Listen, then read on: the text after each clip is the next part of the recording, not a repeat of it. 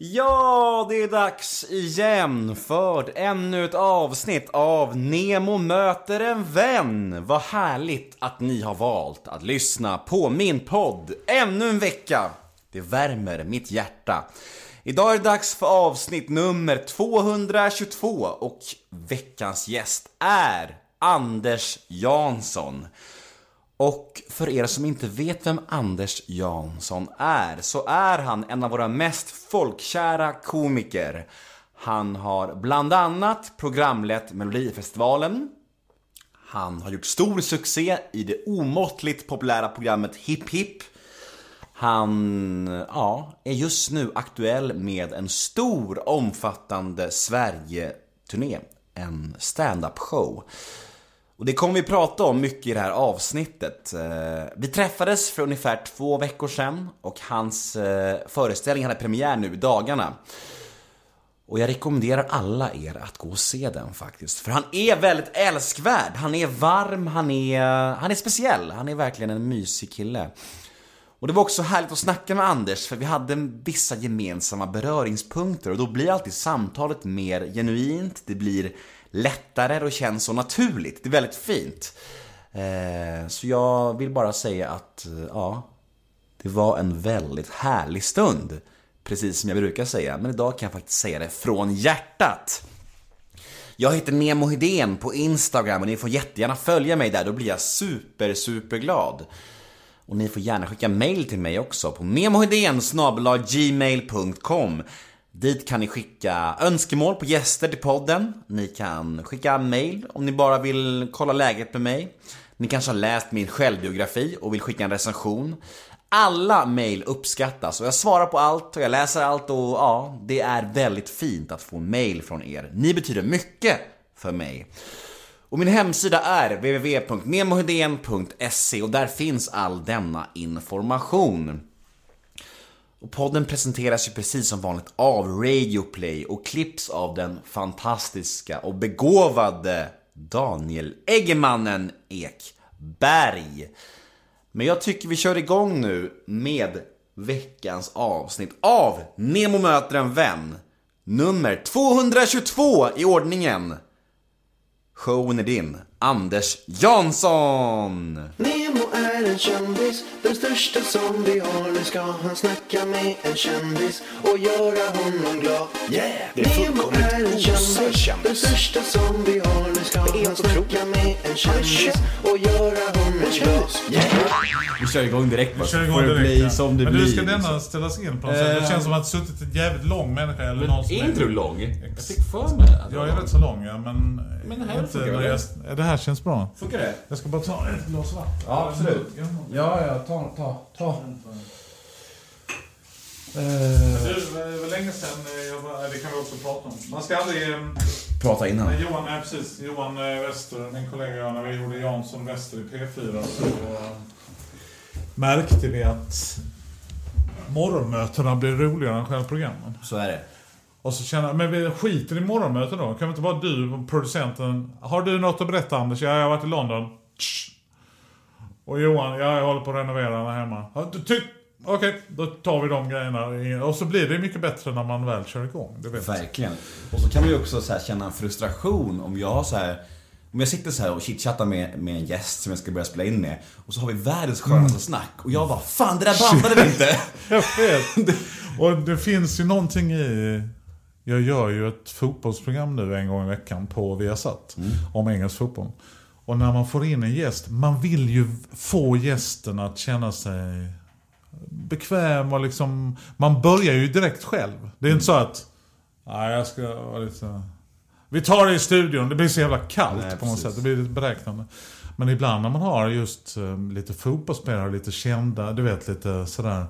Då kan de sitta och berätta världens bästa anekdot i liksom green room. Och sen när man går in i studion. Ja det där, nej kan skita i innan. Eh, Nej vad fan, vi missade den. Du vet.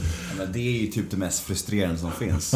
Och det finns också andra sidan av spektrat när folk berättar så här riktiga rövarhistorier som jag vet ska bli världens snackis. Och jag bara, men det där då? Det är ju Nej, skitbra! off the record. De bara, nej, nej, nej, nej. Aldrig. Eller som, eller som, just det, Babben Larsson tror jag som när vi snackade innan, då snackade hon eh, ren och skär stockholmska. Ja, det är roligt. Ja, och sen så när Micke, ja. när jag bara Välkommen till Neo möter en vän, Babben Larsson. Hon bara direkt bara Ja, supergott. tack ska du ha. Det är underbart att vara här. Nej, jag vet. Det är jätteroligt och det märker jag med mina vänner från Skåne. Hur de helt plötsligt kan, mitt, mid-sentence nästan, du vet. Nej men det, ja men det visar ju sig att, ja, vänta vad fan hände nu? Bytte du dialekt mitt i? Va? Nej det tror jag inte. Jo, det var mycket mer skånsk. Men det, det blir ju så lite grann tror jag när folk träffar folk från Skåne. Alltså som man känner, då blir man lite mer skånsk. Alltså man är lite kameleont. Jag kan tänka mig att folk som skåningar som bor i Stockholm pratar mer skånska när de är i Skåne än vad de gör här uppe. Jag tror att det är supersant. För jag var, eh, förra helgen så var jag och lirade en Korpen Cup i innebandy i, Åh. i Karlstad. Och, ja, ja, det är underbart. Vi kommer till innebandy. Ja. Världens bästa sport. Eh, och det var en kompis som var från Borlänge. Eh, men nu spelar vi samma lag ihop i Stockholm liksom. Och eh, så kom han till sina gamla kompisar då i Borlänge där. Eh, eller så där, i Karlstad, men, han, men det var ett Borlänge-lag liksom. Och direkt bara slog han på det, fast han inte ens tänkte på det. Jag bara, vad håller du på med? han lät inte klok. Känner jag dig? Ja, ja vad roligt. Ja, vad kul att du är här! Ja, jättekul. Hurra! Kul att vara i Hässelby. Här har jag faktiskt tillbringat lite tid för att min syster, min äldsta syster Rea, eller min halvsyster, men hon är min syster kan man säga. Rea? Hon heter Rea efter, jag vet inte vem i grekisk mytologi, som heter R-H-E-A. Ja. Det är ett, ja.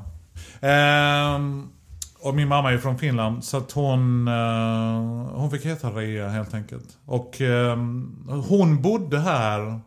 De har bott liksom i Hässelby, Villastad, Vällingby och vi bodde för fan i Vällingby när jag var jätteliten. Eh, Så det här, jag känner igen mig, du vet, det är inte så ofta jag är här nu för tiden. Men jag känner igen mig i backen från tunnelbanan och sådär. Liksom, att man har varit här rätt många gånger. Mysigt. Så du är inte helt främmande Nej, med området? absolut inte främmande. Hur, hur står det till?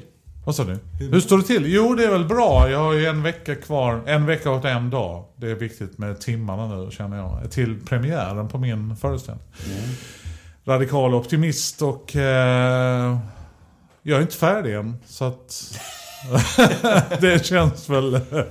Det känns... Jag vet ju om, jag menar, jag har gjort detta förut. Jag har en process, det finns en plan, jag har folk runt mig som stabiliserar upp. Men det är ändå jobbigt. Alltså det är ändå jävligt slitigt. Även om man har gjort detta många gånger. Jag har stått, jag har stått på scen säkert tusentals timmar. Men lik förbannat så tar man sig igenom den här processen. Och det är slitigt, men när man kommer ut på andra sidan förhoppningsvis så är man ju nöjd med det slitet. Och sen börjar nämligen det bästa. Det är när man har en föreställning i ryggen. Och sen ut och turnera. Det är så jävla kul.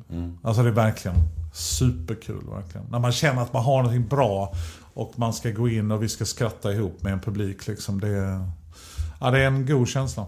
Men eh, fram till dess är det inte så jättekul sista veckan. Jag tror att den här podden släpps typ exakt när du har premiär. Ja, vad härligt. Ja, perfekt. Perfekt. Eh, Men eh, jag tänkte lite på det där, när man skapar, där man verkar fram en ny show. Hur mycket går du liksom på din känsla av vad som håller i, det, i showen, i liksom den färdiga produkten? Och hur mycket går du liksom på dina kompisar och dina näras känsla? Jag, jag antar att du bollar skämt med typ så här kollegor och, och folk så här i din närhet.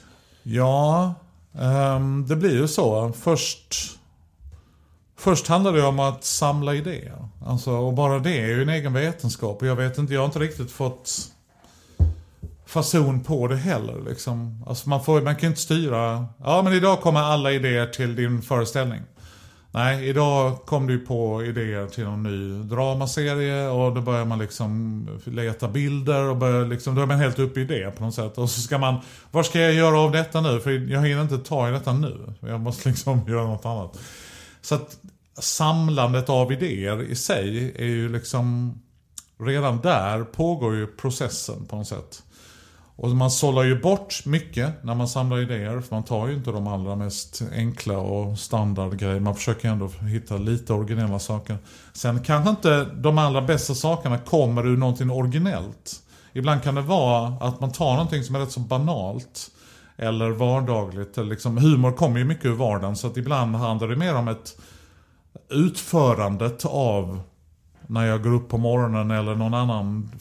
Liksom, idén behöver inte vara så specifik. Utan det är själva hur du angriper detta som gör att det blir kul. Liksom. Så att just humor kommer ju mycket ur de där vardagssituationerna, möten bland människor och sånt där. Så att det gäller liksom att skriva ner, jag har ju lärt mig att skriva ner saker så fort idén dyker upp. För att du vet själv hur det är. Skriver man inte upp den, vissa idéer har man kvar för de på något vis präntar in sig. Men vissa idéer, först, vad fan var det jag tänkte? Nej, fan nu skrev jag inte upp den. Tre minuter tog det och så var den borta. Eh, sen kanske den kommer tillbaka, men jag är noga med att skriva upp. Och det gör jag ju, det, det arbetet pågår ju hela tiden. Sen går man ju över då, precis som du säger, i att börja testa saker. Och där är ju min familj liksom, the first line of defense, du vet. Min hustru Katja, som ju jag får väldigt mycket idéer av, eftersom hon är en väldigt rolig person. Och gör bort sig och pratar fel och allt möjligt. Perfekt person att ha som komiker. Hon, jag testar grejer på henne. Har du tänkt på det här med det? Eller var det, och så berättar jag någon grej som hände mig och så känner jag, fan det här, inte egentligen så mycket på hennes reaktion. Utan snarare på hur jag går igång när jag börjar prata om någonting. Alltså om jag hör mig själv, fan det här är roligt att prata om. Jag tycker om, jag tycker det är kul, jag hittar bilder och nya idéer. Så, att, så där jag testar ju material på familjen först. Och sen har jag en kollega som heter Lars Wikström som hjälper mig att skriva och som är min redaktör. Liksom sådär. Och han, vi bollar ju då idéer. Och han bor i Uppsala, har fyra döttrar eh, och liksom har ju sitt skit ungefär. Lite yngre än vad jag är. Men då börjar man ofta diskutera liksom, utifrån vissa idéer jag har haft. Men sen börjar man diskutera helt andra saker. Och så börjar man komma tillbaka och så vidare. Sen väljer man ju lite ämnen och teman och grejer. Och då handlar det om att man måste ställa sig framför en publik. I mitt fall handlar det om det. Vissa komiker tror jag liksom sätter sig ner och skriver. Ja men du vet, hemma, lugn och ro. Jag sitter med datorn, skriver utom störmoment. Jag vill i princip upp på en scen så fort som möjligt. Och testa. Nej, det funkar inte alls. Ja, det funkar mycket bättre än vad jag trodde. Och sen spelar vi in dem, testerna, transkriberar det, tittar på texten, ringer in. Det här var kul, det här var kul. Kan man byta plats på dem och så vidare. Och så nu har jag gjort två, tre tester redan. Jag kommer göra två, tre tester nu sista veckan. Så att sakta men säkert håller den här liksom lerklumpen på att bli ett konstverk. Liksom. Men eh, inte färdiga. Fördelen när man kör live är att man kan ändra as you go. Alltså man, det är klart att jag har en stomme som jag kommer köra. Men jag, utifrån publik eller om det är någon jag pratar med i publiken. Eller kommer jag på en ny grej den dagen. Då testar man ju det då också. Liksom, så att man provar ju sig fram hela tiden. Framförallt de två, tre första veckorna när man kör föreställning. Då är det ju väldigt mycket leta fortfarande. Självklart ska det, är det ju roligt liksom på premiären och sen. Det kommer ju vara kul på något sätt. Men ibland så dyker det upp en formen hittar sig själv. Så man måste vara lyhörd för den här eh, processen. Liksom. Och det är, om det är någonting jag har lärt mig under alla år liksom, i denna branschen, ja, live och tv och film, så är det just att ta det lugnt. Det, det, vi kommer hitta en väg. Alltså, det, pro, lyssna på processen. Lyssna på eh, podden eller filmen eller tv-programmet. Titta på den och den kanske försöker berätta någonting för dig. Liksom. Nej, jag vill inte att du ska klippa det, Jag vill inte att du ska berätta det just på det viset. Låt det vara så här. Så man måste försöka vara liksom, lite lyhörd. Även för sig själv. Liksom. Men kan det inte vara svårt när du gör de här provföreställningarna eller liksom när du ska få fram din liksom fullständiga produkt att Alltså saker som du kanske tycker personligen är skitroliga som inte flyger. Kan det inte vara jobbigt att stryka sådana grejer eller måste du bara tänka liksom på resultatet? Det är liksom... Ja, men det är en väldigt bra fråga. Det är um, både och. Ibland... Um, jag har svårt för att skylla på publiken. Alltså jag kan inte... Mm, nej, men de förstod inte riktigt. Eller de... Uh, Nej, men det kändes som det var fel sammansättning. Det var lite för gammal publik, lite för ung publik, whatever. Liksom. Det finns så många ursäkter där. Och till syvende och sist så är det ju någonting jag ska leverera framför dem så att vi har kul tillsammans. Men är det någonting jag tror på då måste man testa det inför fler publikgrupper. Och sen är det som eh, om jag har ett ämne som inte funkar så bra. Och sen lägger jag någonting annat före det. Och någonting annat efter det. Då funkar det helt plötsligt. Så att man har alla de här pusselbitarna men om de ligger på fel plats i pusslet så är det inte pusselbitens fel. Alltså den är, det är inget fel på den. Det är bara det att den ligger på fel ställe. Liksom. Så att det kan också förändra i och med att man byter plats på två saker. Om jag har en annan attack in i någonting. En brygga. Vet, ja men en brygga precis. Eller en snygg övergång och ibland ska man köra jättefula övergångar. Alltså att man börjar direkt i en mening. Min son har börjat i scouterna. Man kan börja från noll liksom sådär. Ibland kan det vara bra för en föreställning. Så att det där... ehm, vi körde ju när vi gjorde Hip Hip, jag och Johan. Så hade vi mycket tester inför publik. Och ibland, och då gjorde vi till och med liksom våra egna hobbyenkäter. Och det var liksom, vilken sketch gillar du bäst och så där liksom. Men då var det ju vissa, ja men det var 10% som tyckte att det var den bästa sketchen. Och resten tyckte att den var väl okej. Men vi gillar den sketchen så mycket. Och vi kan inte bara göra sketcher för 100%arna. Vi måste göra sketcher som fem människor i Sverige tycker detta är det bästa jag någonsin har sett. Och resten fattar inte det. för det finns någonting, men så, såklart som vi liksom känner att vi tycker detta är kul. För att man kan inte bara tänka på publiken. Det finns ju det gamla fina citatet, jag vet inte om det är Groucho Marx eller Mark Twain eller Mae West, det är någon av de eh, ikonerna. Att ge publiken det de inte visste att de ville ha. Liksom. Du vet. Det, finns en, det måste finnas ett element av överraskning. För att som publik vill man inte heller exakt ha det som man ville ha. Alltså förstår du? Och framförallt idag, där folk bestämmer otroligt mycket över sitt eget intryck och utbud som finns. Liksom. Vi väljer ju väldigt noga. Vi är ju egna, liksom, vi kurerar ju. Vi är som museiintendenter allihopa. Man plockar ut de tre poddarna lyssnar jag på. De, de serierna lyssnar jag på, eller tittar jag på och så vidare. Och de filmerna. Man väljer ju väldigt mycket sådär. Det är ju inte mycket som sker av en slump längre. Eftersom det är streaming. Och det är inte att man sitter och zappar och hamnar framför ett program. Så som man kunde göra innan. Och bara känner, vad fan är detta? Det här var ju, ser ju kul ut liksom. Utan vi väljer ju väldigt mycket sådär. Men eh, så att man, eh, jag vill ändå överraska publiken också. Att inte bara göra så som de vill ungefär. Det är ju intressant det du är inne på där att vem vill man vara? Vill man vara den här komikern som gör ganska kul komik för 100% eller otroligt fantastisk eh, komik för 10-20% och de andra fattar inte? Nej men precis, ja, men förhoppningsvis så kan man vara både och. Alltså att man kan, man kan gå från eh, eh, Ja men det visste vi när vi skrev Spex i Lund till exempel. Som ju var en väldigt bra skola. För att man hade sista april och sista november, då är det en föreställning. Och då kommer det eh, 10 000 människor uppdelat på 10 föreställningar.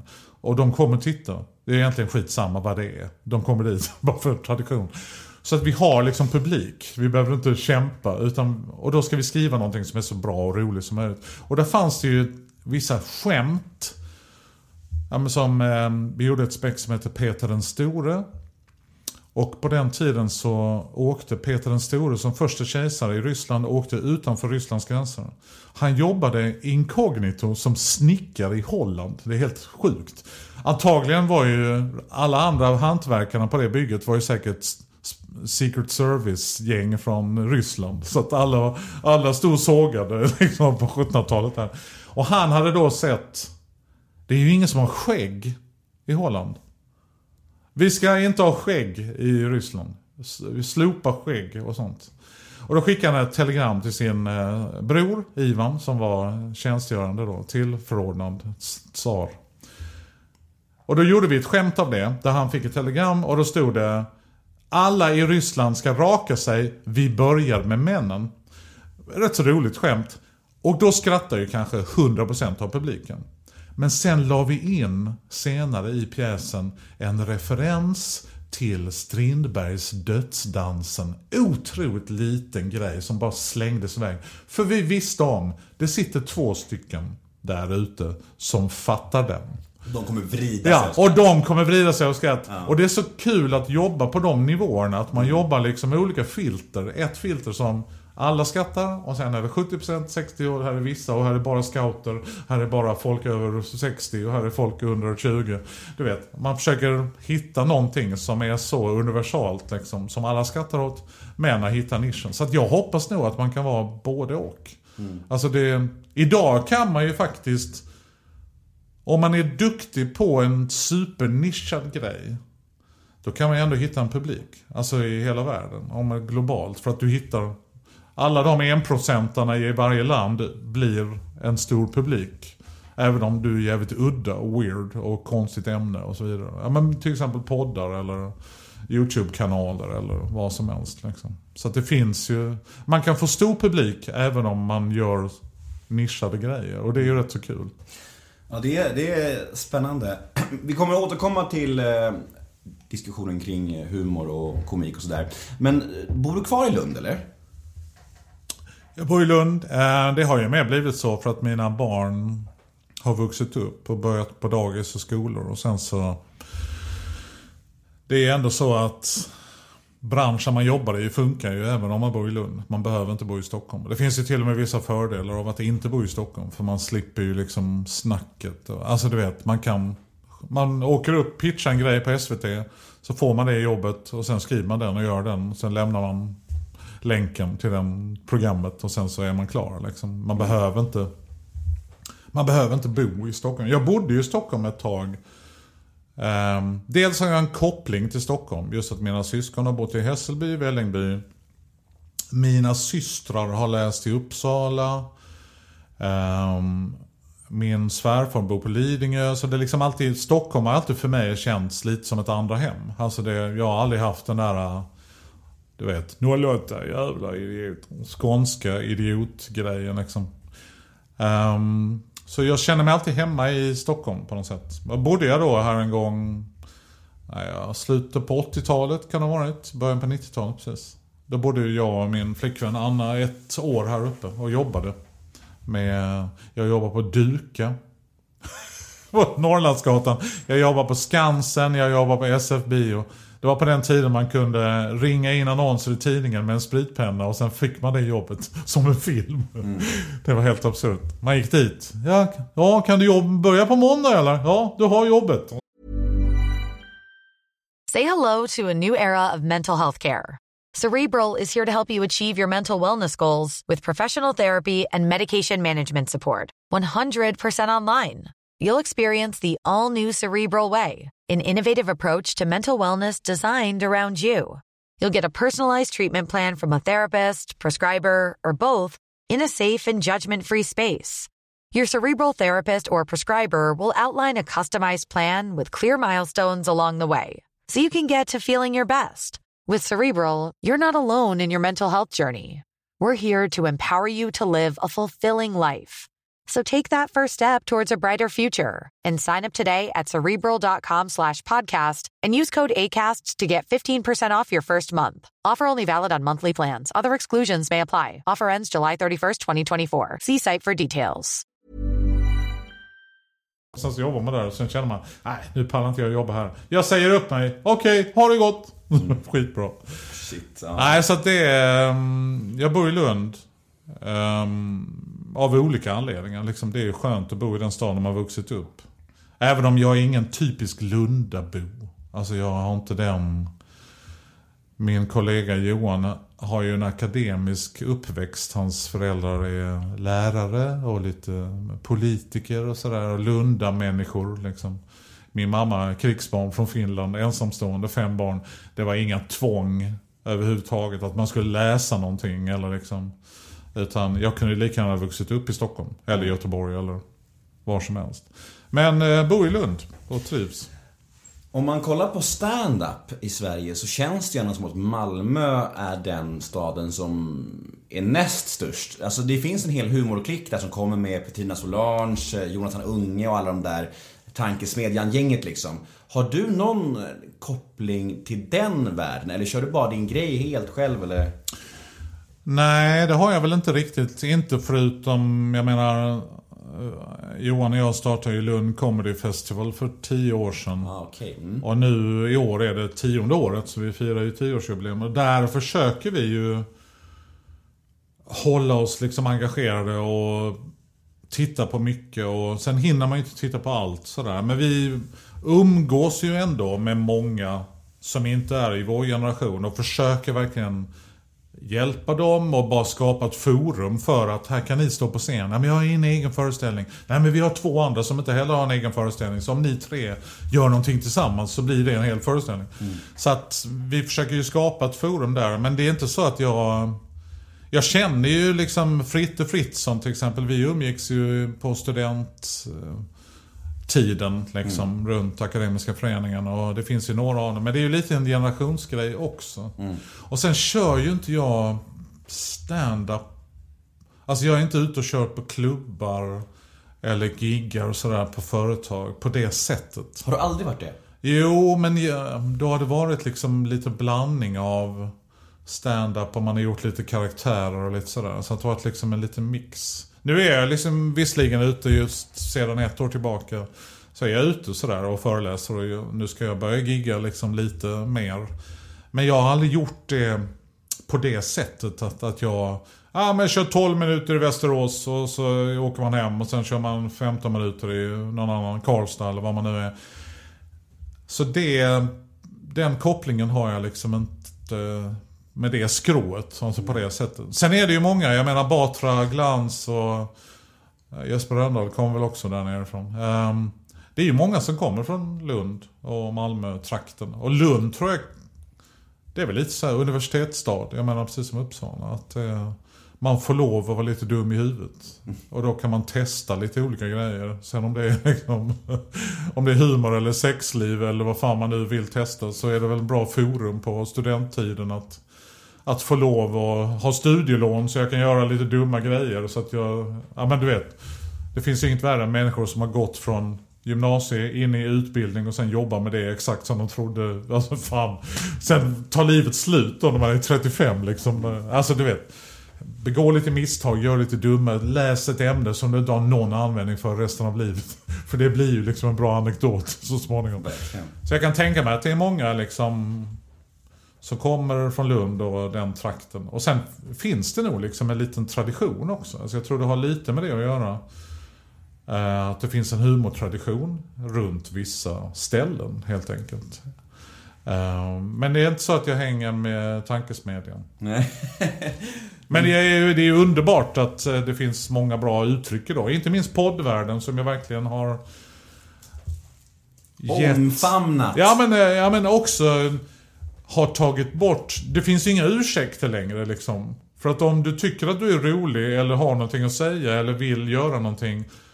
Jag menar här sitter vi i ditt kök med två bra mickar men det är inte mer än det. Utan det finns inga ursäkter och sen handlar det bara om vad du vill och liksom hur innerligt du gör det. Innan var det ju ändå att, ja men då måste man jobba på Sveriges Radio och liksom du vet. Nej men det finns ju massa möjligheter nu som kanske inte fanns innan.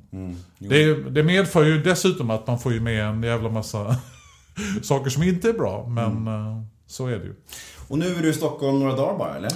Ja, jag är ute på en liten eh, pressturné här nu. Jag, ska, jag gör ju mitt fotbollsprogram varje torsdag på Viasat.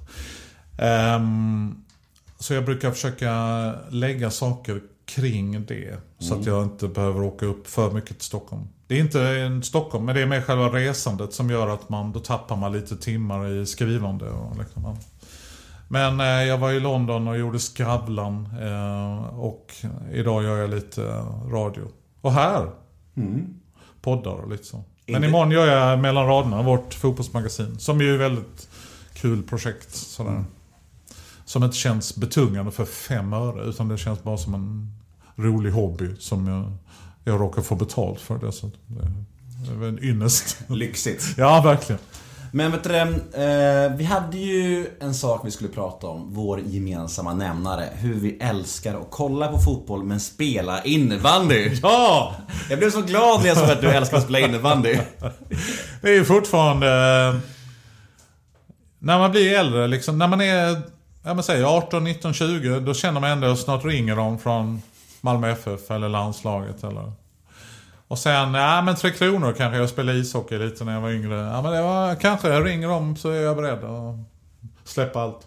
Sen blir det ju färre och färre sporter, du vet. Man tittar i OS, nej men 100 meter är nog kört. Jag kan inte ställa upp i 100 meter. Där är nog kört. Så jag skiter i det. Eh, skytte skulle jag nog kunna ställa upp. du vet, det blir färre.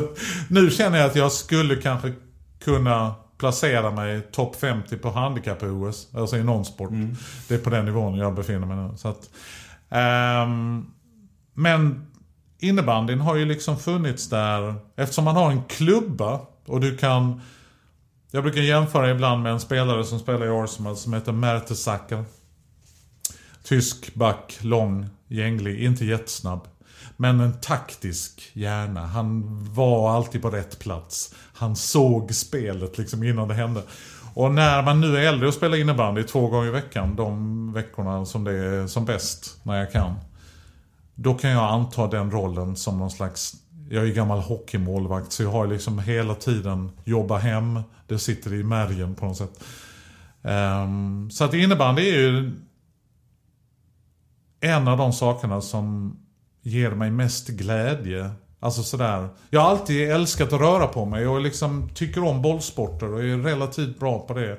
Pingis och tennis, du vet hur det är. Liksom, Ju mer man spelar desto man kan ju använda det överallt på något sätt. Ehm, men innebandy är ju så fruktansvärt kul. Alltså det är så otroligt kul. Och där även om man liksom, man väger lite mer, man är lite äldre, man är lite långsammare. Men du har ju ändå ditt tänk liksom. Passningarna och dem, de sitter ju alltid som de ska liksom. Sådär. Och det är, ja, det är verkligen förknippat med otro. Och sen har man väldigt kul. Alltså man häcklar ju varandra och man springer runt och du vet. Och så är det liksom, det finns ju även, man är ju några som tar det på allvar. Lagom mycket. Inte så att man hugger varandra, men eh, man vill svårt- ju inte förlora. Liksom. Nej men det är ju svårt att gå in och bara säga det här är bara en liten hobby. Det är klart man vill vinna också. Ja, ja, men absolut. Men hur spelar, alltså var kommer ditt intresse ifrån? Nej men det hör ju med, har ju med ungdomen att göra såklart. Jag spelade ju innebandy från jag var 7 år tills jag var liksom 19 år. Och sen så, sen så började jag festa och stöka alldeles för mycket och så hade jag en paus på typ 8 år.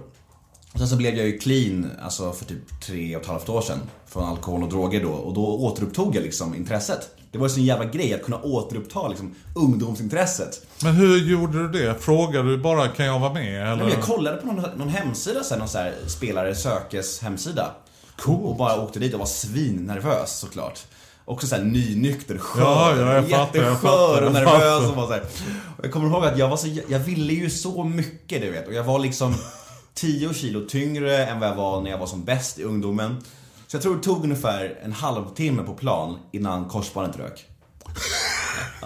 Nej. Du vet, för i skallen, ja! Ja, ja, ja, ja. För I i skallen, är man ju- i skallen bara, jag är lika bra. Mm, oh ja. Men kroppen var tyngre, långsammare, så jag bara...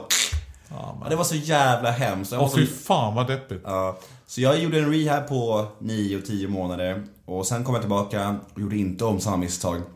Och nu har jag kört i, i drygt tre år och, och det är en stor och viktig del av mitt liv. Mm. För det är som du säger, det är så förknippat med glädje och det är mitt go-to place liksom. När resten Alltså, av livet... man mår ju så jävla bra. Ja. Alltså just att, och för mig, ja du vet, jag, jag är liksom cerebral, jag jobbar väldigt mycket med huvudet hela tiden. Jag försöker se saker och man uppfinner och skriver och man liksom, att bara kunna stänga av den delen av hjärnan liksom. Mm, och under en och en halv timme bara fokusera på, för det är inte så att man Ah, när vi spelar här, jag tänkte på en annan grej. Det ju, händer ju aldrig, utan det finns ju ingen chans om man tänker på någonting annat. Och det tror jag människan behöver. Alltså jag tror vi har ett enormt behov av...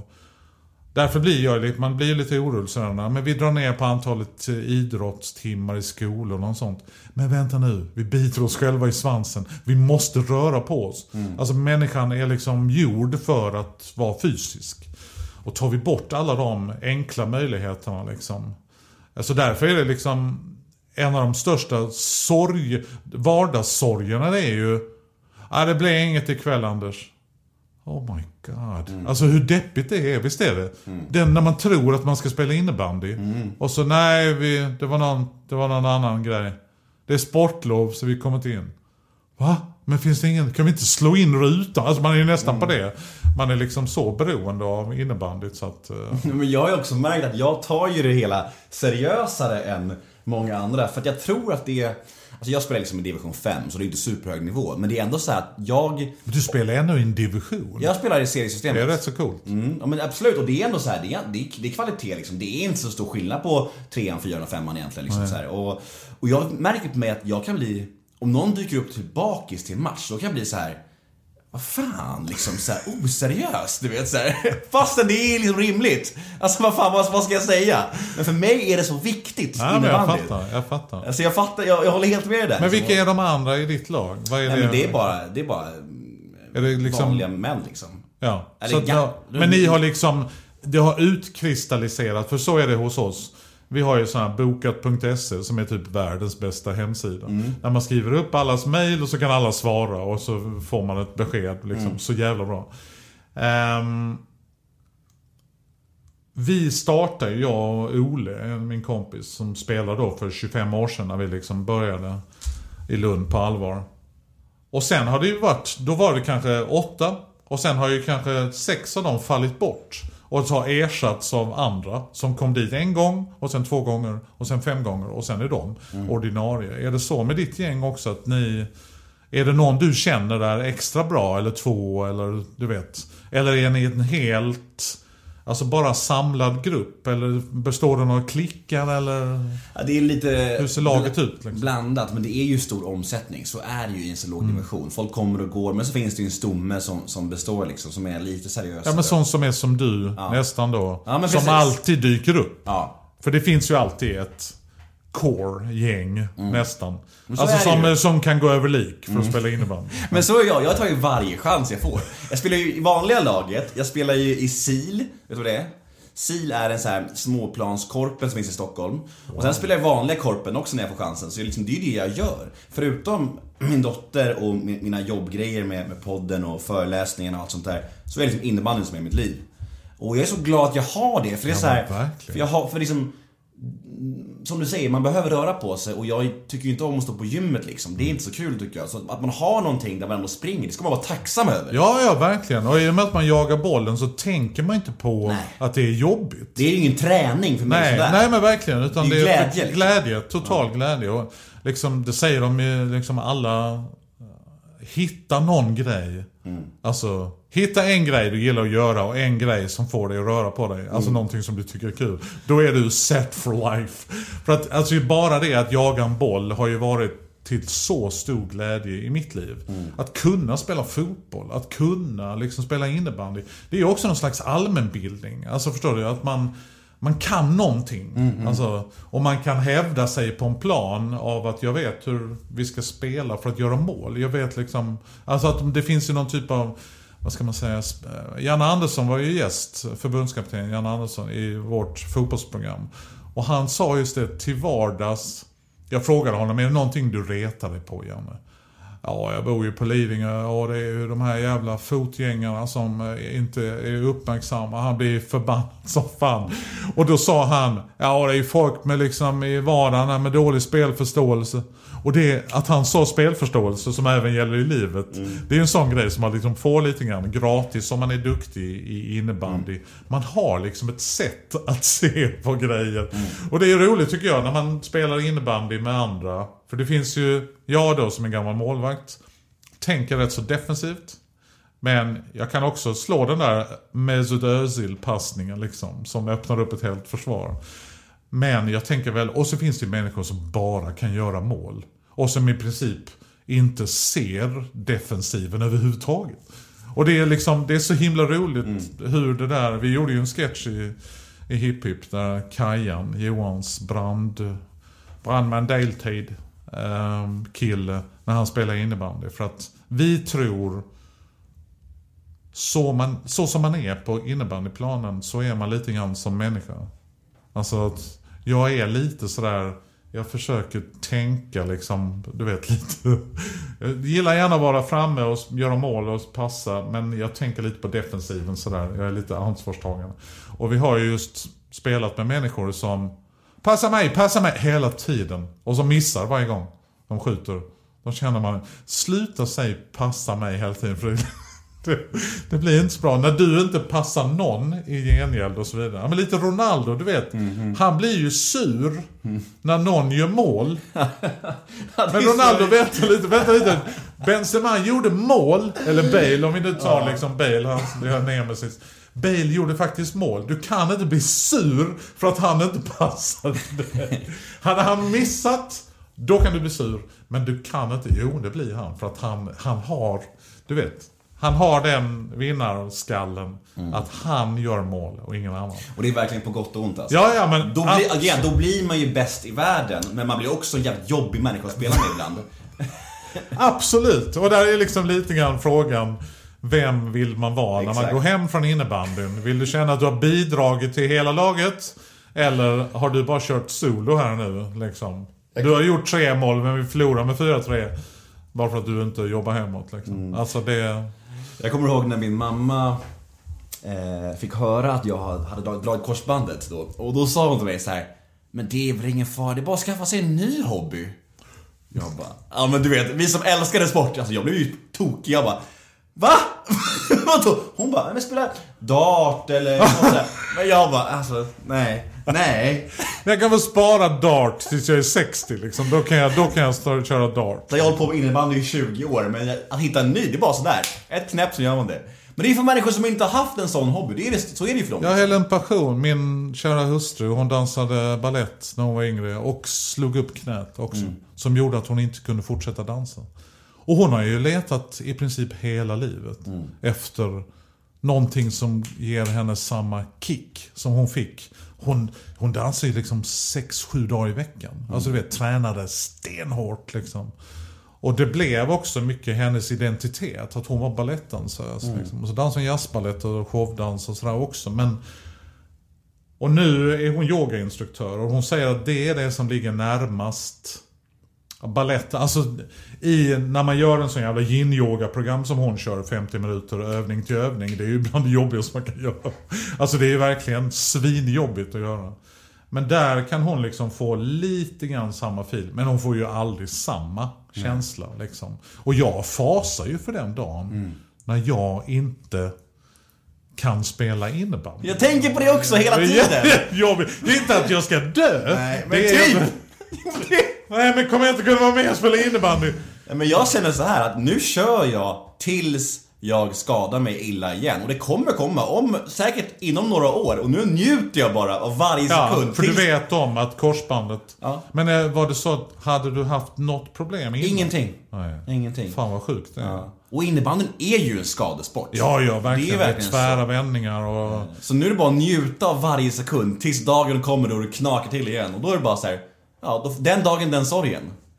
Men eh, var spelar du? Är det nära där du bor? Eller är det... Eh, Det var, nu Är det är det blandat? nära. Ja. Eh, Nu är det bara här borta. Jag har bytt lag ganska nyligen faktiskt. Okej. Så det är skönt. Förut var jag ute i söderort. Jag är ju därifrån liksom. Mm, Eh, Men nu har vi snackat i 25 minuter om innebandy så nu måste vi gå vidare. Innebandypodd. Men det är ju kul när man möter folk som har liknande... Men du, eh, 1967 är du född. Japp. Staffanstorp. Ja, jag är nog, vi bodde nog i Lund tror jag. Nej, vi bodde i, jag är ju född i Lund. Man är, föds man i Staffanstorp då föds man typ hemma. Men jag är född i Lund. Jag tror att vi bodde i Staffanstorp då. Men det var bara några korta år. Och jag har inget minne av detta verkligen. Inget. Alltså jag var så liten när vi bodde där ute så att jag har i princip inget minne av Staffanstorp. Utan sen flyttade vi upp typ till Vällingby ett par år. Där jag ser bilder av, jag har sett bilder på mig själv i någon pulkabacke med äh, bävernylon äh, overall. Men ehm, sen flyttade vi ner till Lund igen liksom, för att min pappa fick jobb på Arbetet tror jag det var, tidningen Arbetet som journalist. Och sen Expressen. Och då bodde vi liksom i Lund för att han jobbar i Malmö. Och sen har jag ju jag har bott i Malmö ett år, jag har bott i Stockholm ett och ett halvt år. Men Lund har ju varit liksom basen. Vad var det för familj du föddes in i? Det var ju då, um, min mamma kom ju som krigsbarn under andra världskriget till Sverige när hon var fem år gammal.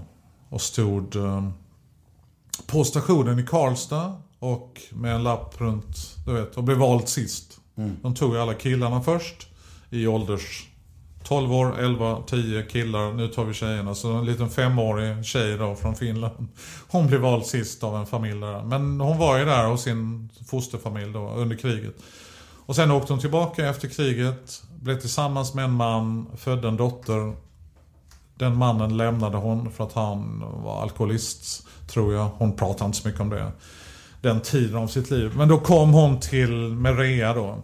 Mm. Som hon fick typ när hon var 16. Liksom. Ja, väldigt ung. Då kom hon till Sverige. Och åkte då till Värmland för hon hade ändå connections där. Eh, och där träffade hon min pappa i Karlstad. Han var från Kristinehamn. Och de fick då ytterligare fyra barn. Så att jag är yngst av fem. För jag ser ju min halvsyster som, för att hon har ju aldrig varit hemma hos sin farsa. Du vet, den, de klippte de banden helt och hållet. Ehm, så vi har ju varit fem syskon och sen dog min pappa när jag var sju. Så det var ju rätt tidigt. Han var bara 35 när han dog. Vad, vad hände? Han dog av uh, magcancer, alltså en leukemi. Hodgkins disease. Och det gick tydligen rätt så fort. Jag fick inte ta del så mycket av det när jag var liten. Alltså, Du minns inte ens något besked? nej, alltså det gick ju rätt fort liksom. Sen var min pappa, han jobbade rätt så mycket när jag var liten. Alltså, så att han var ju inte hemma jätteofta. Och sen när man är sju, man minns ju inte jättemycket från fyra, fem, sju års åldern sådär. Nej, men ändå en sån grej borde man minnas. Ja, ja men absolut. Nej, men själva händelsen minns jag ju. Men jag tror att mina syskon drabbades ju hårdare för att de hade ju lärt känna honom. De hade ju flera år på sig liksom att ha lärt känna uh, vår pappa. Så att mamma uppfostrar ju 1,62 lång. Ser ut som Dolly Parton, min mamma. Eh, hon dog förra året. Men eh, hon lyckades uppfostra fem barn i Lund. Jag fattar inte hur hon fick in pengar. Alltså jag börjar misstänka att hon hade som Breaking Bad, att hon gjorde amfetamin vid sidan av. Nej, jag kan inte för mitt liv. Det fanns ju någonting som hette änkepension, jag vet inte om det fortfarande finns. Som var någon typ av, ja men du vet, pensionsförsäkring liksom från... Och den lyckades vi hanka oss fram på. Vi hade ju alltid slut på pengar den 24. Då fick vi välja, okej ska vi köpa godis eller ska vi äta? Liksom. Vi hade omröstning om det. Lätt val. Och sen kom jag verkligen, mycket lätt. Och sen eh, fick vi pensionen den 25 och då var liksom Nu kan vi äta och köpa godis. Båda. Så att jag fattar inte riktigt hur hon fick till det. Men det, det var ingenting som jag eh, led av liksom sådär. Det fanns ju Jag kunde inte göra alla grejer som mina kompisar kunde göra.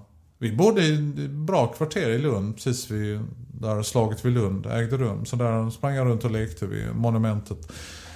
Men sen när då, ja, vi ska åka till vårt sommarhus, vi ska åka till landet, när folk sa det.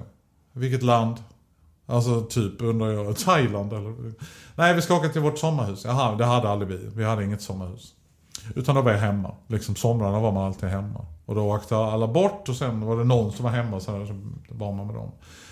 Men eh, jag fick väldigt mycket kärlek och fem syskon. Som då, eftersom man inte har en Eftersom man inte har två föräldrar så tar ju de äldre syskonen på sig lite föräldraskap. Alltså de, de hjälper till liksom att uppfostra resten av familjen på något sätt. Så att vi gjorde ju mycket ibland med syskonen sådär. Vi spelade spel, Um, vi spelade piano, lärde mig av min syster att spela piano, vi lyssnade mycket på musik tillsammans. Sen gjorde alla sina grejer för vi var rätt så spridda i ålder.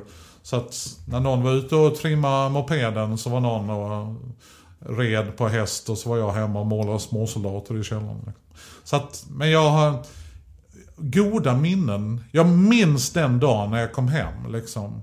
Eller min mamma körde förbi mig, jag var ute i en skog precis där vi är. Jag såg hon kom med bilen, jag kom hem, hela familjen sitter och gråter i ett rum liksom. Men då, jag vet inte fan, jag greppar inte riktigt. Alltså förstår du?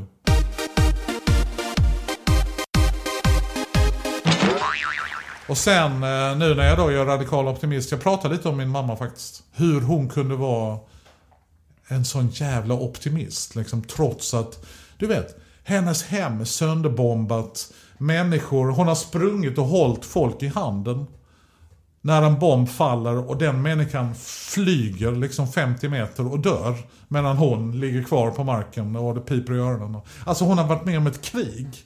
Och det, har man någon som har haft det så i sin närhet, då klagar man liksom inte. Alltså du vet, det finns... Eh, samtidigt så har jag ju också lärt mig att med det så följer någon typ av elitism också. För att jag hade haft en pappa som gick bort när jag var sju och min mamma hade varit med om andra världskriget. På riktigt liksom. Och när det kommer då folk, ah, jag är så ledsen. Varför är du ledsen? Säger man då. Alltså som gör, du kan tänka hur jag var, 10-11 år. Mm.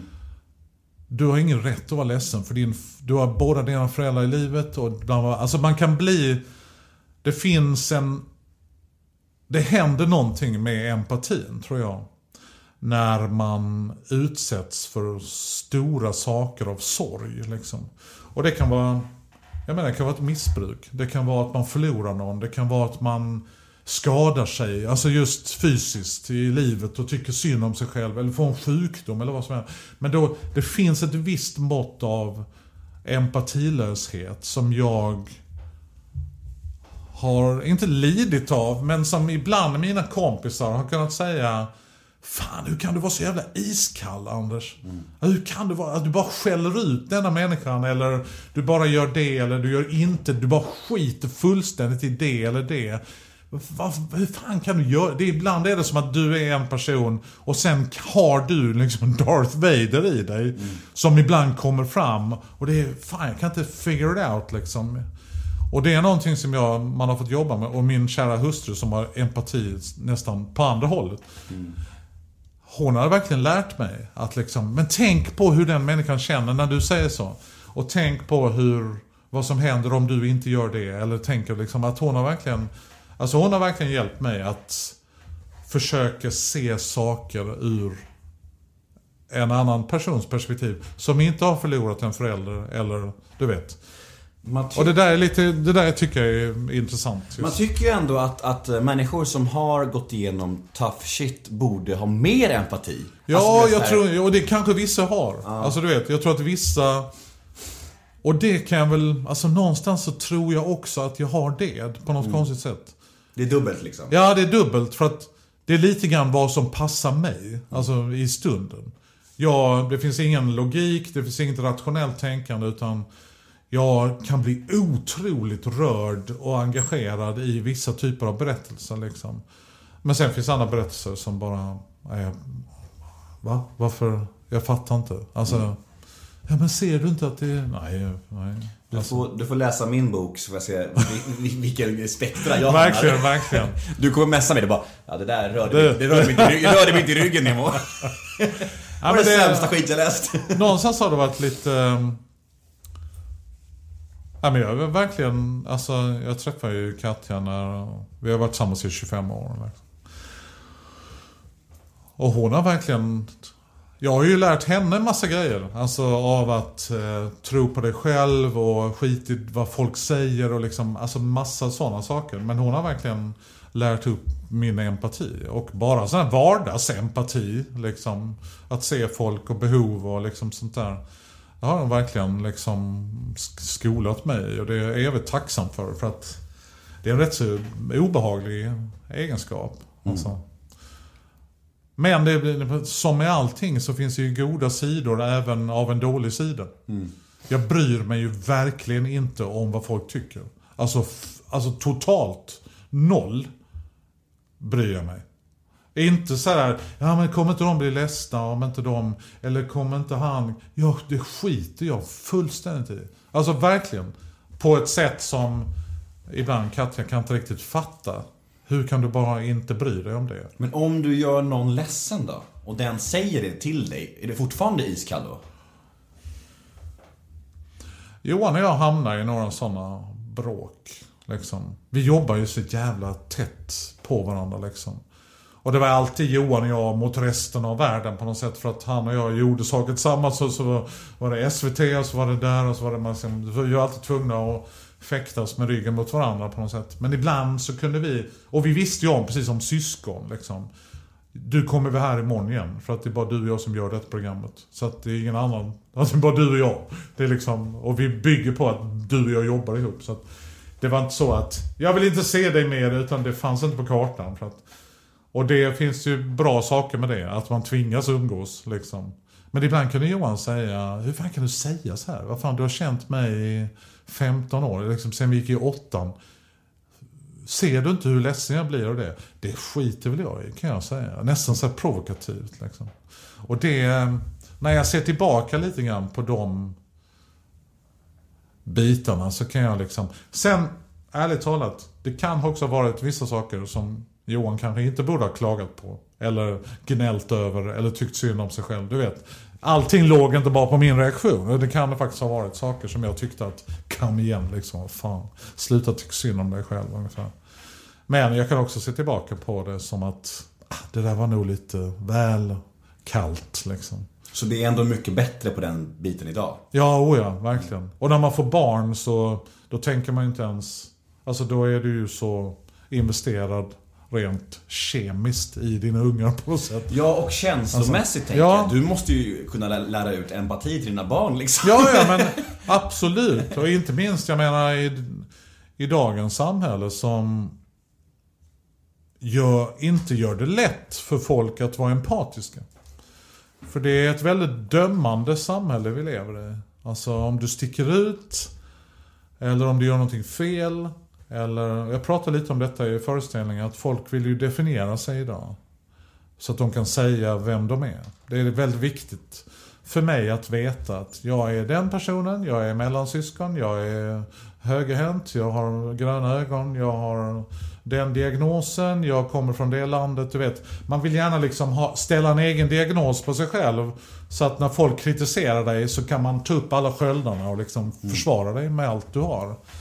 Så att det är inget lätt samhälle heller att...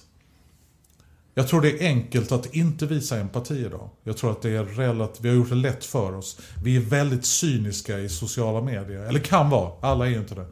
Men det blir ju lite svart på vitt. Det blir lite trubbigt i sociala medier. Jag är ute på Twitter framförallt. Man har ju länge önskat ett eget typsnitt för sarkasm på Twitter. Man ser ju verkligen någon skriver någonting och så kommer det jättemycket reaktioner och sen Vänta, vänta, jag var lite ironisk när jag skrev detta. Det syns inte. Det syns inte överhuvudtaget. Så att, och alla tänker inte på det. Alltså mm, vissa människor. Och du vet hur det är. Folk hängs ut i media och vi vill gärna nischa in folk. Ja men jag vet att han är på det viset och den familjen är på det viset. Nej men om du lär känna dem. Nej men jag har inte tid med det. Jag har inte tid att lära känna någon. Jag har nischat in dem. Jag har en färdig bild liksom. Fast det där är ju problematiskt just med att skämta på sociala medier. Det är ju så att om man lägger upp ett skämt, nu vare sig det gäller Instagram eller Twitter, eh, och sen så ska man dessutom liksom säga att det är ett skämt efter, då dör ju skämtet. Ja jag vet. Det är ju så. Absolut. Alltså häromdagen så la jag upp en ganska kul, jag la upp så här, ja men jag och min dotter eh, låg i badkaret och plötsligt såg jag en bajskorv flyta runt. Ja, det skrev jag så här. Och sen la jag upp en till tweet så här. Jag bad genast om ursäkt till min dotter. Tyckte jag var kul. Ja. Det är roligt. Storlek på bajskorven. Ja, exakt. Och då kommer ändå några, några få, det är inte många men några bara Åh vad äcklig du är, bajsade du? Och jag bara, men nej, nej! Du vet så här. Det borde ju vara uppenbart att det är ett skämt. Att det var hon som Nej, men bajsade. jag håller med. Det är liksom humor... Om man måste förklara humor så tappar ju humorn lite grann av sin glöd varje gång man förklarar det för någon. Och när man är inne på tredje eller fjärde... Om du... Det roligaste är ju om någon inte fattar. Om man sitter i ett rum och så säger man någonting. Eller så kommer någon in lite för sent. Va? Va? Va? Vad sa ni? Nej, jag bara sa en grej om det. Jag berätta. Nej, men det var inte så jävla kul. Jo, berätta. Och så berättar man. Och så var det inte så kul. Ja, det var inte så kul. Nej, jag sa ju det. Så att det blir ju... Det är väldigt, väldigt trubbigt med hela... Man kan skoja på sociala medier, men det är bara folk som följer dig. Alltså kontinuerligt som förstår. Alltså för att de har sett många inlägg. Exakt. Så att de har skapat sig en egen bild av att det här är inte på, det här är inte på allvar. Ja, majoriteten fattade ju att det var ett skämt. Men att- absolut finns det de som... Ja, tyvärr. kränk- Kränkta, upprörda och nej. Och man känner sig så smutsig om man Ja. måste skriva så Ja. här. Det var min dotter som bajsade. Jaha, kul, kul, kul! Ursäkta jag måste outa dig här alltså för att... Ja, det är värdelöst. Nej, usch. Men, men tror du överlag att, att humor, eller att komiker är eh, roligare privat än vanliga människor? Nej, det tror jag inte. Och det, fin det finns vissa av mina kollegor som inte är så jävla muntra. Alltså sådär vid sidan av. Utan rätt så allvarliga typer. Liksom. Ehm, det är nog rätt så olika. Det finns ju lite den här en gråtande clownen liksom. Och det, det, jag ställer inte upp riktigt på det.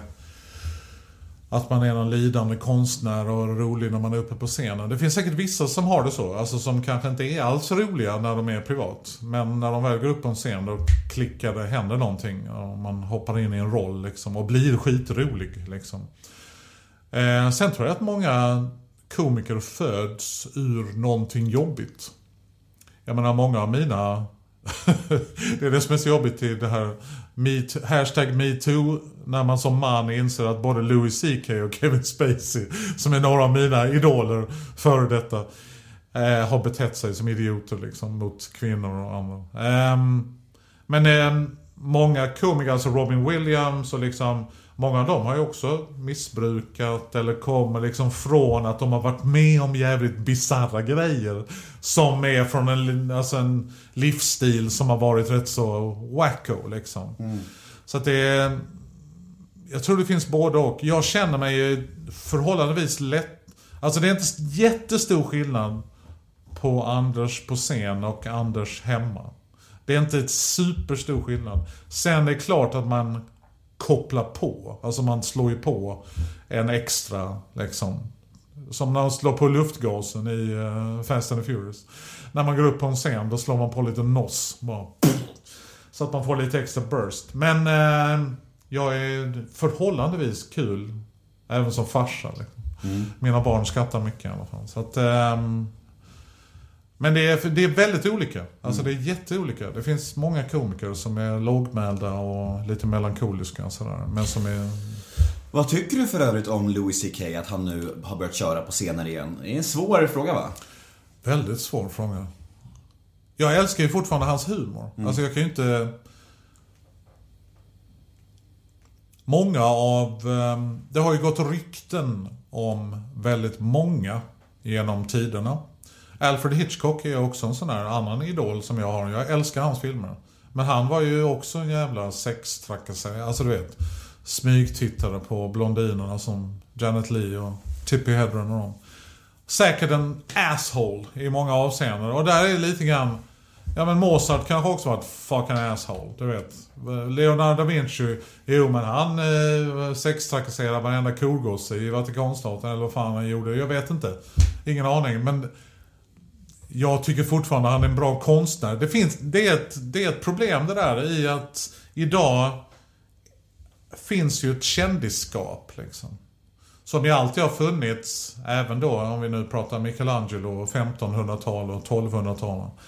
Det fanns ju även då, men det var inte lika brett på något sätt. Det var ju...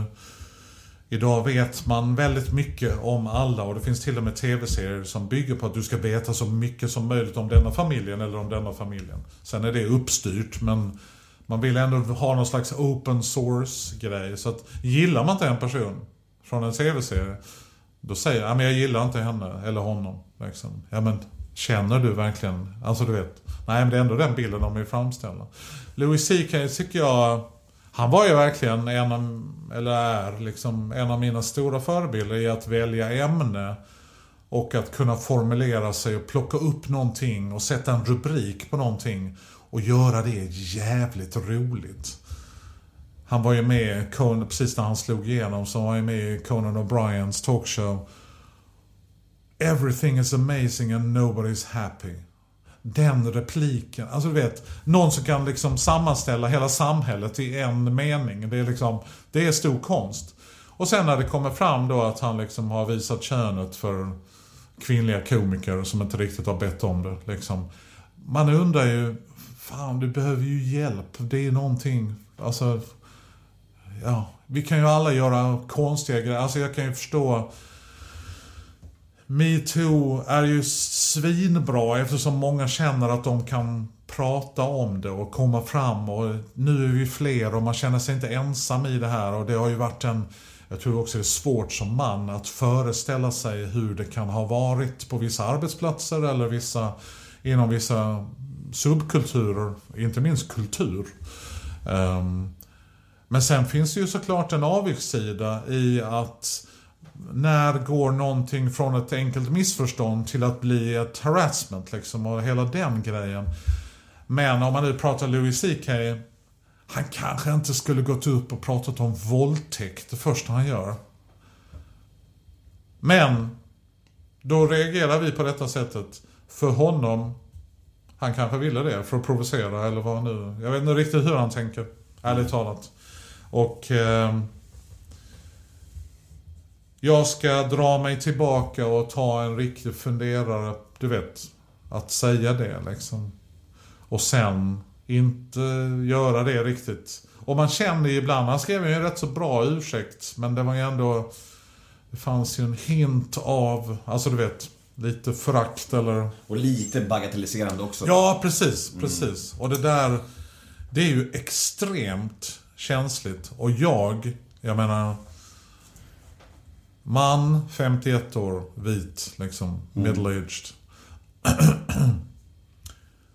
jag känner ju att jag vill ju hjälpa alla kvinnor. Jag vill ju hjälpa alla tjejer som har det jobbigt. Jag vill ju liksom försöka vara en positiv kraft mm. i den revolutionen också. Alltså, mm. vad kan jag bidra med för att det ska bli ännu bättre liksom. Mm. Jämställdhet. Jag är en ensamstående mamma, tre systrar, så att jag är ju liksom Östrogenet har ju florerat hemma hos oss liksom. Mm. Och det är väl därför jag kan göra en karaktär som Tiffany Persson. Med så pass mycket övertygelse. Um, men det är klart att man som komiker måste fundera på. Jag har en dotter, jag menar som är 25. Så att jag kan inte säga vad som helst. Alltså. Och jag har ju aldrig varit Alltså jag har ju alltid sett mig själv som en jämställd och jämlik person. Men sen rent krast så är jag en vit man i medelåldern. Så att, alltså förstår du? Det mm. finns... Man är i en genre, även om du inte vill vara där, så är du en del, lite grann av det. Och då får man, inte, man får inte ta spjärn, man får inte ta Nej. och bli den där liksom lite Louis CK när han liksom är lite nedlåtande. Och Nej men precis. Alltså, självklart så finns det ju nyans, och det måste finnas nyans även i sexbrott. Men, alltså har man blivit liksom...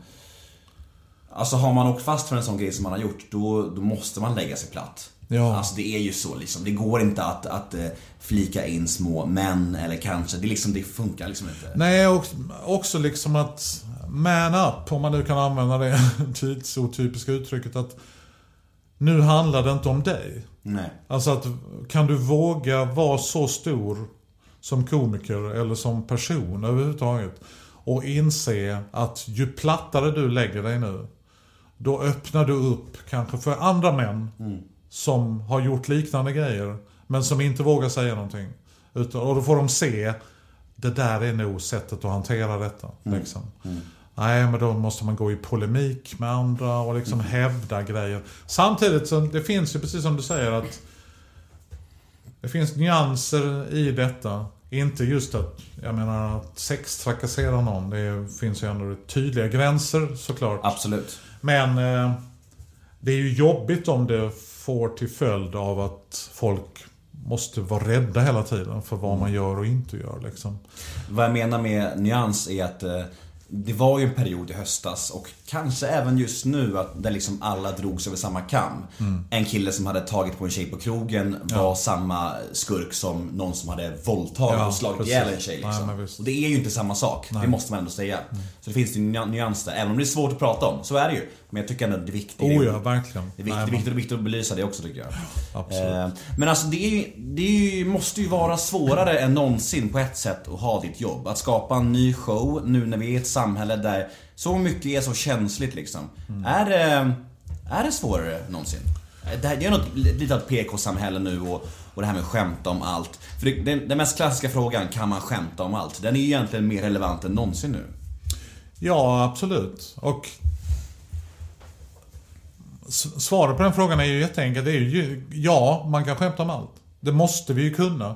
Och är det verkligen skämten som vi ska bli arga på? Är det inte att samhället ser ut på det sättet som vi ska bli arga på? Att någon vågar skämta om något är väl bara bra, kan man tänka sig. Sen det vi var inne på innan, det här att man är nischad, man är i sin bubbla och man är definierad som... Folk hittar ju saker att bli kränkta över. Jag menar lite som när du, om du nu lägger ut en bild från badkaret. Ja, men då finns det ju alltid några som kommer. Sen kanske man ska lyssna på dem. Alltså, på, ibland kan man ju göra det på sociala medier för att man vill förklara sig just till dem. Men som komiker, man kan inte vara alla till lags. Det är bara att inse. Alla kommer inte tycka att jag är rolig. Um, och vissa kommer inte att titta på mig överhuvudtaget för att är fel målgrupp liksom, överhuvudtaget. Även om jag tror att min humor är rätt så bred. Eftersom jag har barn från 13 år och uppåt liksom, så kan man hitta rätt så mycket humor även där för dem. Men eh, man måste kunna skämta om allt. Problemet är om man gör det på fel sätt. Alltså ju känsligare ett ämne är, desto roligare måste skämtet vara. Och när det inte är det, då känns det väldigt plumpt. Too soon är ju en rolig... jag kommer ihåg när Seth MacFarlane, du vet som var Oscars host. Family Guy. Ja.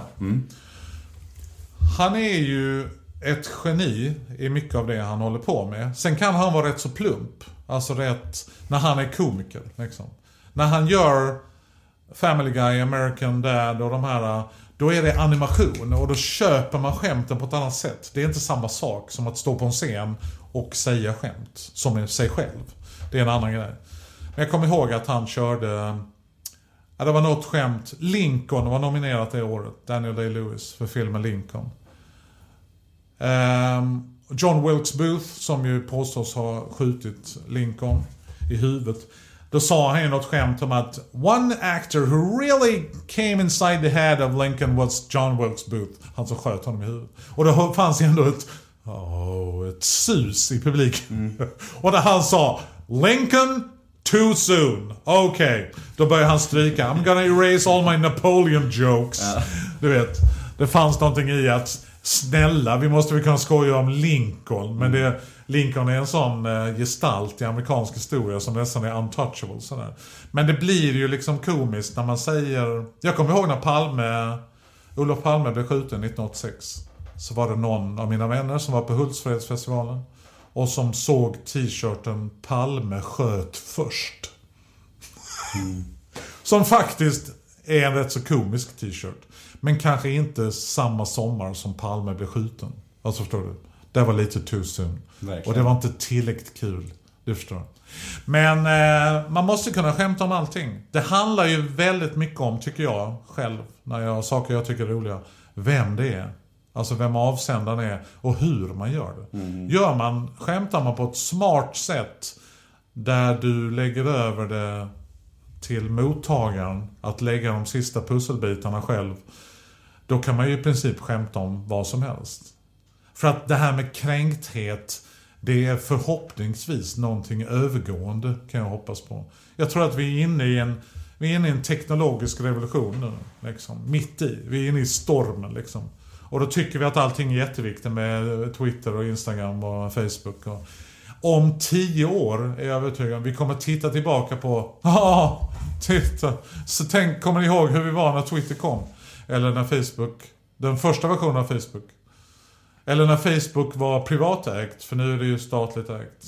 Och det är mycket bättre. Eller, alltså du vet, saker hittar sina nya former liksom. Sådär. Och jag är övertygad om att vi kommer titta tillbaka på denna perioden av vad fan höll vi på med? Varför gick vi omkring med den jävla mobilen hela tiden? Då såg vi ju inte människorna omkring oss. Nej, exakt. Men när vi är mitt i det och vi har möjlighet att bli kränkta överallt och tycka om allt och vara en röst och jag vill ha, ha åsikter om allt. Ja, men då gör vi det också som människor för att vi vi är distraction. Vi är byggda för distraction. Vi är byggda för att vara lyhörda och Nej, nu kommer en sabeltandad tiger, även om de aldrig levde samtidigt som vi. Men en tiger vid dörren. Jag måste vänta. oj, var är våra barn? De är där ute.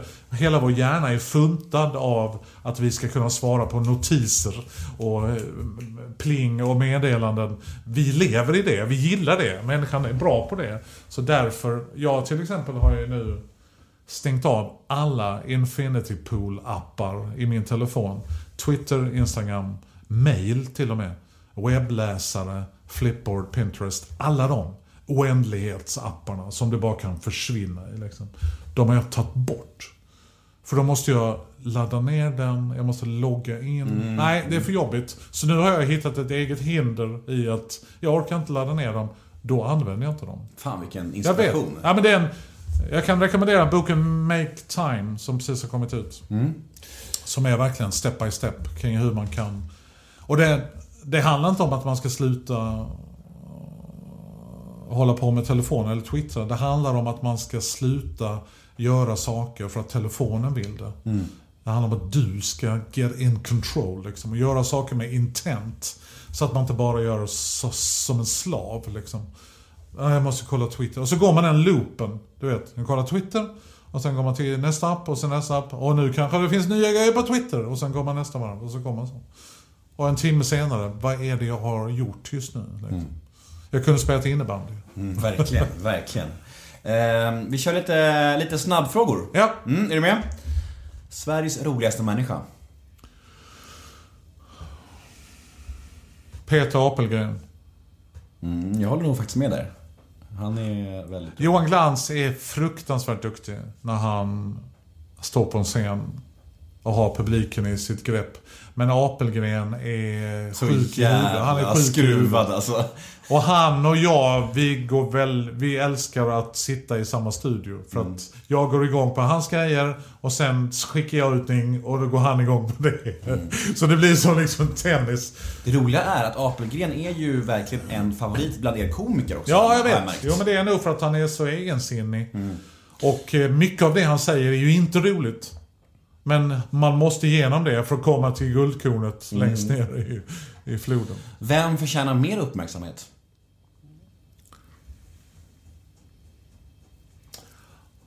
Bra fråga. Av komiker, menar du? Niklas Andersson tycker jag är väldigt duktig. Göteborgs, Göteborgs komiker. komiker, Ja, fotbollsnörd också. Han hejar visserligen på Liverpool, vilket Ja. bara där är en ren miss. Men Niklas är trevlig och jävligt rolig. Och... eh, Snygg. Ja. Jo, absolut. ja, men det beror på hur desperat man är. Han skulle aldrig bajsa i ett badkar. Om inte han fick betalt. Ja. Nej, men Niklas får jag nog eh, höja. Rött eller blått? Rött. Vad är det onödigaste du har köpt? Oj. Det är mycket. Jag brukar ju göra kapitalinvesteringar sådär. Jag har inte jättemånga dyra laster. Alltså jag... Klockor... Jag kan köpa en G-Shock, de ser coola ut. Jag behöver inte ha liksom dyraste klockan eller värsta bilen. Jag gjorde en intervju... Jag gjorde en intervju en gång i Svenska Dagbladet där de frågade bil. Och då trodde jag att det liksom var favoritbil. Och då sa jag en TVR Tusken, vilket är en engelsk sportbil som kostar typ en miljon pund. Och då stod det, nej men nu kommer ju folk tro att jag har den. Va? Kör Andersson kring en TVR? Det var ju som fan. Men eh, när vi har gjort lite shower och lite sådär, när man känt att nu har jag lite pengar jag kan lägga på saker. Då köpte jag en flygel. Yamaha, minsta flygeln, men ändå. Flygel. Och sen köpte jag min Leica, min digitala kamera. Leica-kamera. Som är helt fantastisk. Jag fotar mycket. De två grejerna var jävligt dyra. Men onödiga vill jag inte säga, för jag använder dem väldigt flitigt. Så att de onödigaste grejerna jag köper jag tror jag har fem innebandyklubbor just nu. För att varje gång jag går in på Stadium och det är augusti. Innebandyn börjar på tisdag. Man kanske skulle unna sig en ny klubba. Ja men Anders, du har fyra klubbor. Det är bara lite, de har släppt lite här i det lilla bandet här uppe. Ja, fast jag har ingen matt svart. Det finns en matt svart här. Jag köper den. Så att eh, innebandyklubbor har jag lite för många. När grät du senast? Jag gråter ju rätt så ofta. Kan, till musik kan jag ju lätt gråta. Det var nog i helgen. Jag satt och lyssnade på någon musik. När skrek du senast rakt ut i ren ilska? Senaste gången jag spelade innebandy var det nog fan. Bra. Vi hamnade i konflikt om regler. För jag är... en- Börjar någon slå på klubbor, då stannar jag. Hörni, hörni. Och då, då går jag in i den här passive aggressive. Är det okej att vi slår på klubbor? Jag vill bara veta, du vet den ja, idioten. Jag känner typen. Ja, jo, du vet. Du har hört dem förut. För att om det är okej så kan jag också börja spela på det viset. Men jag slår ju inte på klubbor, men det gör du och du. Så att någonstans där skrek jag. Idiot, typ. När gick du igenom ditt livs tuffaste period? Och hur tog det du igenom det? Oj, wow. Snabb fråga. Ja, det är det ju inte egentligen. Förra helgen! Ja. Med mycket knark. Ja. Eh, jag vet inte fan vad det är. Jag vet inte om jag är i den nu. Nej, det är jag nog inte. Och jag vet inte, nej min pappa kan inte varit min jobbigaste period hela livet. Sådär. Har du haft någon riktig kris med ångest och depression och skit liksom? Allt är ju relativt såklart. Jag blir ju inte den personen som krisar på det sättet. Samtidigt så har jag ju inte heller gett det en chans. Jag har inte gått till en terapeut eller en psykolog eller... Någonsin? Nej. Nej. Utom i när vi har sketcher. Och då, mellan tagningarna. Hur mår du egentligen? Jag känner ju att framförallt så skulle jag ju få mycket material av det antagligen. Så att, att, gör någonting om jag spelar in vårt samtal också. Ehm, så jag vet faktiskt inte vad jag ska ta och svara på just vad gäller den frågan. Jag känner ju någonstans att Johan och jag startade Anagram Produktion 2004-2005. Jag slutade där förra året. Det har varit rätt jobbigt. Att gå från mitt bolag med 20 anställda och 100 anställda på projekt liksom runt om. Vi är liksom ändå en, ett produktionsbolag i södra Sverige som är ett av de tio största i alla fall i Sverige. Att lämna det för att enbart hålla på med egna grejer har varit en stor omställning. Alltså. Men jag tog initiativet direkt.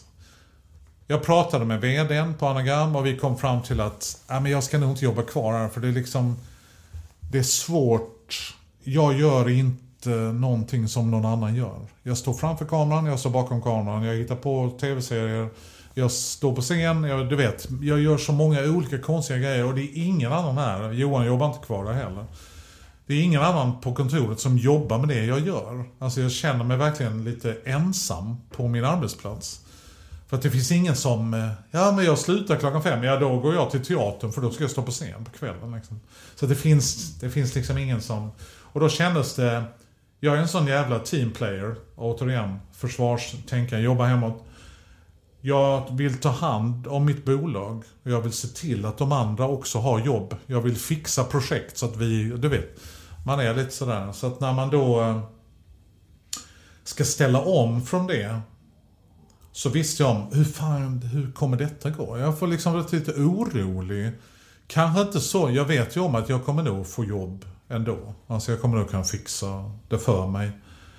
Men ändå någon typ av, jag har gjort detta i tio år, nu ska jag göra någonting annat. Den omställningen är ju ändå rätt så stor. Mm. Så att det, men som tur var så, så var jag väldigt proactive just under den personen. Jag ringde några agenturer i Stockholm. För jag har aldrig haft agenter innan. Jag ringde några agenturer och bokade in möten. Väldigt sådär, boom, boom. Och de var ju skitglada. Ja, vad kul. Jag jobbar med oss och jobbar med oss. Och så träffade jag Carlo, som ju då har Schyffert och Lindström och Clara Henry och Christian Lok. och Ett lite mindre gäng på 10-12 artister, komiker och programledare.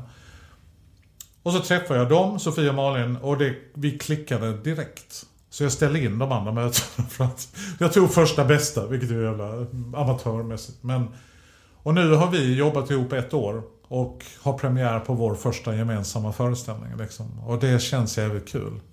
Så att jag har nog behandlat den krisen genom att jobba mig ur den på något sätt. Alltså genom att jobba väldigt mycket mot ett tydligt mål. Eh, Men jag känner ju fortfarande att det finns, liksom, det gnager ju lite i mig att, fan, att jag inte, alltså du vet, jag kan sakna det lite ibland. Men det finns så mycket roligt som jag har planerat framåt. Så jag vill inte gå tillbaka. Och jo, det jag skulle säga med Teamplayer. Hade inte vår VD sagt Anders, jag tror inte att du ska jobba kvar här. Då hade jag nog inte slutat. Utan jag behövde en liten knuff. Hur jobbig den knuffen än må ha varit. Liksom, Så var det nog för mitt bästa också. Vilken sida hos dig själv har du svårast för? Kort stubin. Ja, kort stubin. Vad har du för relation till alkohol? Jag dricker väldigt lite och sällan. Oj, men vi går ut sommar, vi tar en stor stark. Ja, det låter jättehärligt. E- en klunk.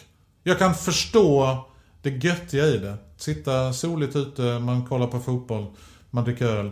En klunk, känner jag, om den är kall, fan vad gott det var. Men sen, nej jag orkar inte dricka detta, vill du ha resten av min? Vin, jag tycker om att dricka gott vin, men det är inte så att jag smakar skillnaden på, du vet, millimetern. När var det? Jag kan smaka skillnaden på 80 kronor och 380 kronor. Det kan jag smaka skillnaden på. Men eh, min enda excess vad gäller alkohol är ju nog champagne. Alltså. Katte och jag, jag får ju rätt mycket champagne från premiärer och tack för att du var med här och så vidare. Så vi har alltid tre flaskor i kylskåpet. Så Katte och jag brukar köra städ champagne på söndag- söndagar.